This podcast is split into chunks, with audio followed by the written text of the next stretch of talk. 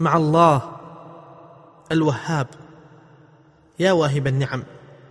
يا واهب الآمال. يا واهب الإحسان. هبني الرضا. هبني الأمان. هبني السعادة والحنان. وهب لنا من لدنك رحمة. إنك أنت الوهاب. الله. يهب لمن يشاء ما يشاء.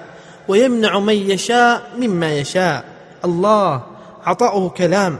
ومنعه كلام بقوله كن فيكون. الله يهب الرزق لمن يشاء الحسي ويهب الرزق لمن يشاء المعنوي.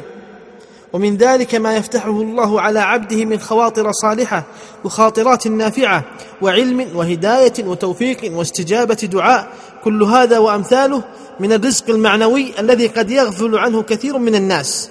الله أعطى ومنع خفض ورفع وصل وقطع. بيده الخير إنه على كل شيء قدير.